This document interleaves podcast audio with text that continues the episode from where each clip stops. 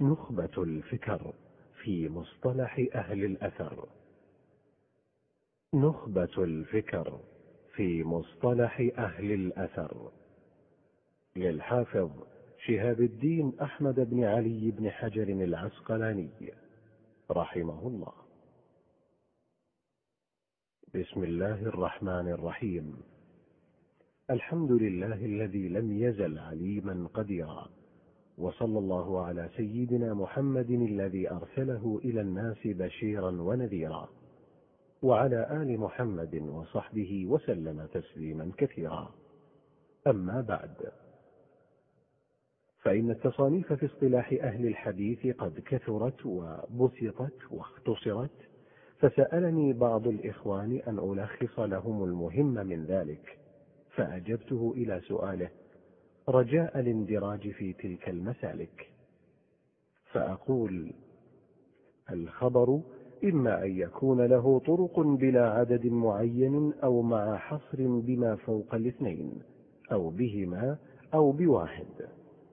فالأول المتواتر المفيد للعلم اليقيني بشروطه والثاني المشهور وهو المستفيض على رأي والثالث العزيز.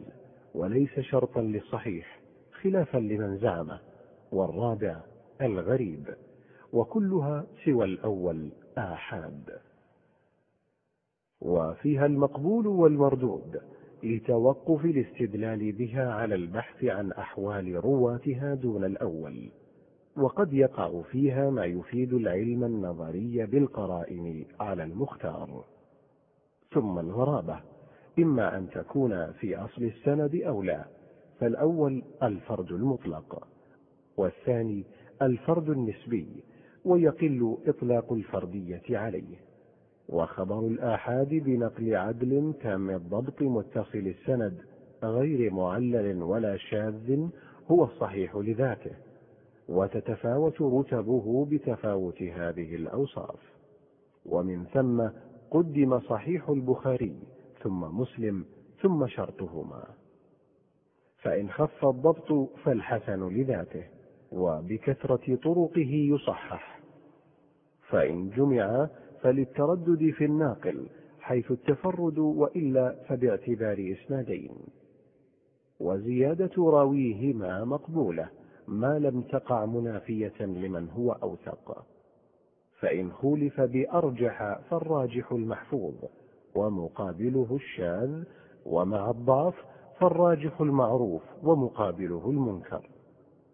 والفرد النسبي إن وافقه غيره فهو المتابع وإن وجد متن يشبهه فهو الشاهد وتتبع الطرق لذلك هو الاعتبار.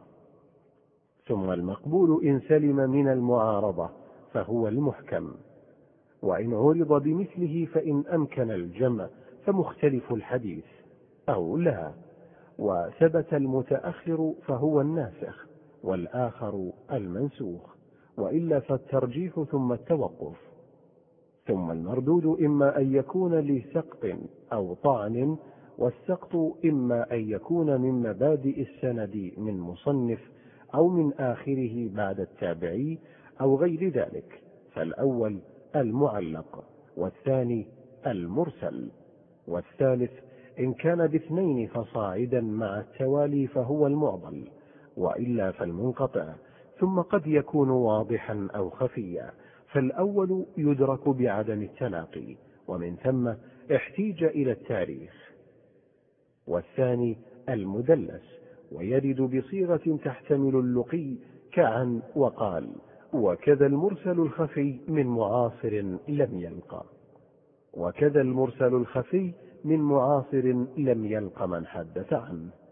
ثم الطعن إما أن يكون لكذب الراوي أو تهمته بذلك أو فحش غلطه أو غفلته أو فسقه أو وهمه أو مخالفته أو جهالته أو بدعته أو سوء حفظه. فالأول الموضوع والثاني المتروك. والثالث المنكر على رأي وكذا الرابع والخامس. ثم الوهم إن اطلع عليه بالقرائن وجمع الطرق فالمعلل.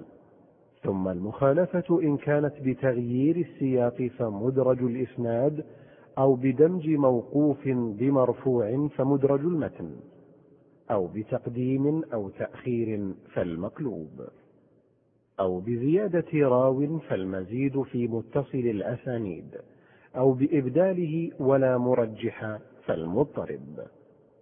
وقد يقع الإبدال عمدا امتحانا أو بتغيير مع بقاء السياق فالمصحف والمحرف ولا يجوز تعمد تغيير المتن بالنقص والمرادف إلا لعالم بما يحيل المعاني. فإن خفي المعنى احتيج إلى شرح الغريب وبيان المشكل. ثم الجهالة وسببها أن الراوي قد تكثر نعوته فيذكر بغير ما اشتهر به لغرض وصنفوا فيه الموضح.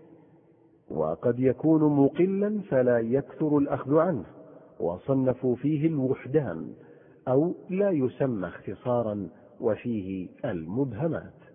ولا يقبل المبهم ولو أبهم بلفظ التعديل على الأصح فإن سمي وانفرد واحد عنه فمجهول العين أو اثنان فصاعدا ولم يوثق فمجهول الحال وهو المستور. ثم البدعة إما بمكفر أو بمفسق فالأول لا يقبل صاحبها الجمهور والثاني يقبل من لم يكن داعية إلى بدعته في الأصح إلا إن روى ما يقوي بدعته فيرد على المختار. وبه صرح الجوزجاني شيخ النسائي. ثم سوء الحفظ إن كان لازما الشاذ على رأي أو طارئا فالمختلط. ومتى توبع السيء الحفظ بمعتبر وكذا المستور والمرسل والمدلس صار حديثهم حسنا لا لذاته بل بالمجموع ثم الإسناد. إما أن ينتهي إلى النبي صلى الله عليه وسلم ويقتضي لفظه إما تصريحا أو حكما من قوله أو فعله أو تقريره أو إلى الصحابي كذلك. وهو من لقي النبي صلى الله عليه وسلم مؤمنا به ومات على الإسلام ولو تخللت ردة على الأصح. أو إلى التابعي وهو من لقي الصحابي كذلك. فالأول المرفوع والثاني الموقوف والثالث المقطوع ومن دون التابعي فيه مثله ويقال للأخيرين الأثر. والمسند مرفوع صحابي بسند ظاهره الاتصال فإن قل عدده فإما أن ينتهي إلى النبي صلى الله عليه وسلم أو إلى إمام ذي صفة علية كشعبة فالأول العلو المطلق والثاني النسبي. وفيه الموافقة وهي الوصول إلى شيخ أحد المصنفين من غير طريقه وفيه البدل وهو الوصول إلى شيخ شيخه كذلك. وفيه المساواة وهي استواء عدد الإسناد من الراوي إلى آخره مع إسناد أحد المصنفين. وفيه المصافحة وهي الاستواء مع تلميذ ذلك المصنف. ويقابل العلو بأقسامه فإن تشارك الراوي ومن روى عنه في السن واللقي فهو الأقران. وإن روى كل منهما عن الآخر فالمدبج.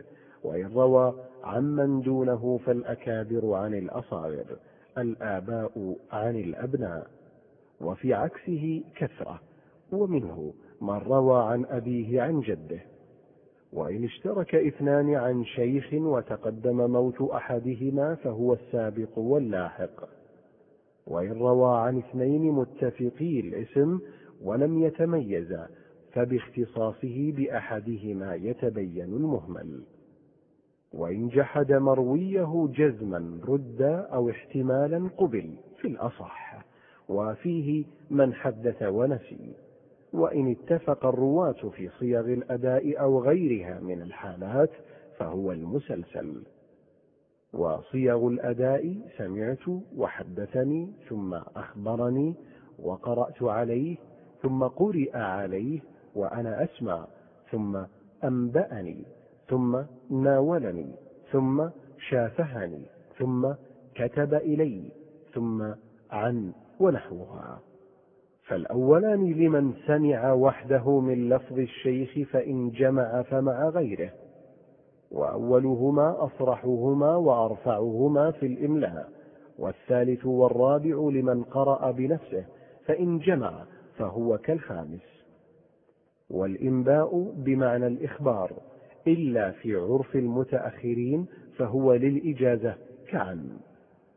وعنعنة المعاصر محمولة على السماع إلا من مدلس وقيل يشترط ثبوت لقائهما ولو مرة وهو المختار. وأطلقوا المشافهة في الإجازة المتلفظ بها والمكاتبة في الإجازة المكتوب بها واشترطوا في صحة المناولة اقترانها بالإذن بالرواية وهي أرفع أنواع الإجازة وكذا اشترطوا الإذن في الوجادة والوصية بالكتاب في الإعلام وإلا فلا عبرة بذلك. كالإجازة العامة وللمجهول وللمعدوم على الأصح في جميع ذلك. ثم الرواة إن اتفقت أسماؤهم وأسماء آبائهم فصاعدا واختلفت أشخاصهم فهو المتفق والمفترق. وإن اتفقت الأسماء خطا واختلفت نطقا فهو المؤتلف والمختلف. وإن اتفقت الأسماء واختلفت الآباء أو بالعكس فهو المتشابه. وكذا إن وقع الاتفاق في الاسم واسم الأب والاختلاف في النسبة ويتركب منه ومما قبله أنواع منها. أن يحصل الاتفاق أو الاشتباه إلا في حرف أو حرفين أو بالتقديم والتأخير أو نحو ذلك. خاتمة.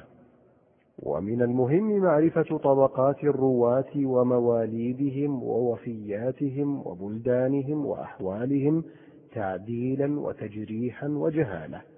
ومراتب الجرح وأسوأها الوصف بأفعل كأكذب الناس ثم دجال أو وضاع أو كذاب وأسهلها لين أو سيء الحفظ أو فيه مقال. ومراتب التعديل وأرفعها الوصف بأفعل كأوثق الناس. ثم ما تأكد بصفة أو صفتين كثقة ثقة أو ثقة حافظ. وأدناها ما أشعر بالقرب من أسهل التجريح كشيخ. وتقبل التزكية من عارف بأسبابها ولو من واحد على الأصح. والجرح مقدم على التعديل إن صدر مبينا من عارف بأسبابه فإن خلا عن التعديل قبل مجملا على المختار. فصل. ومن المهم معرفة كنى المسمين وأسماء المكنين ومن اسمه كنيته ومن اختلف في كنيته ومن كثرت كناه أو نعوته ومن وافقت كنيته اسم أبيه أو بالعكس أو كنيته كنية زوجته أو وافق اسم شيخه اسم أبيه. ومن نسب إلى غير أبيه أو إلى أمه وإلى غير ما يسبق إلى الفهم ومن اتفق اسمه واسم أبيه وجده أو اسم شيخه وشيخ شيخه فصاعدا ومن اتفق اسم شيخه والراوي عنه. ومعرفة الأسماء المجردة والمفردة والكنى والألقاب والأنساب. وتقع إلى القبائل والأوطان بلادا أو ضياعا أو سككا أو مجاورة وإلى الصنائع والحرف ويقع فيها الاتفاق والاشتباه كالأسماء. وقد تقع ألقابا ومعرفة أسباب ذلك ومعرفة الموالي من أعلى ومن أسفل بالرق أو بالحلف ومعرفة الإخوة والأخوات.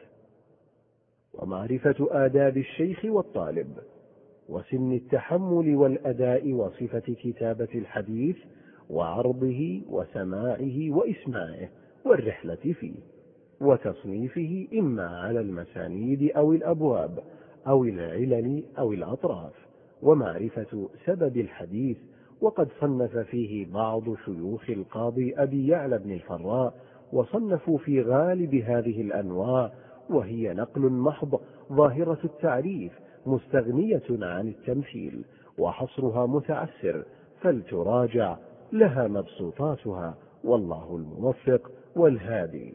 لا إله إلا هو.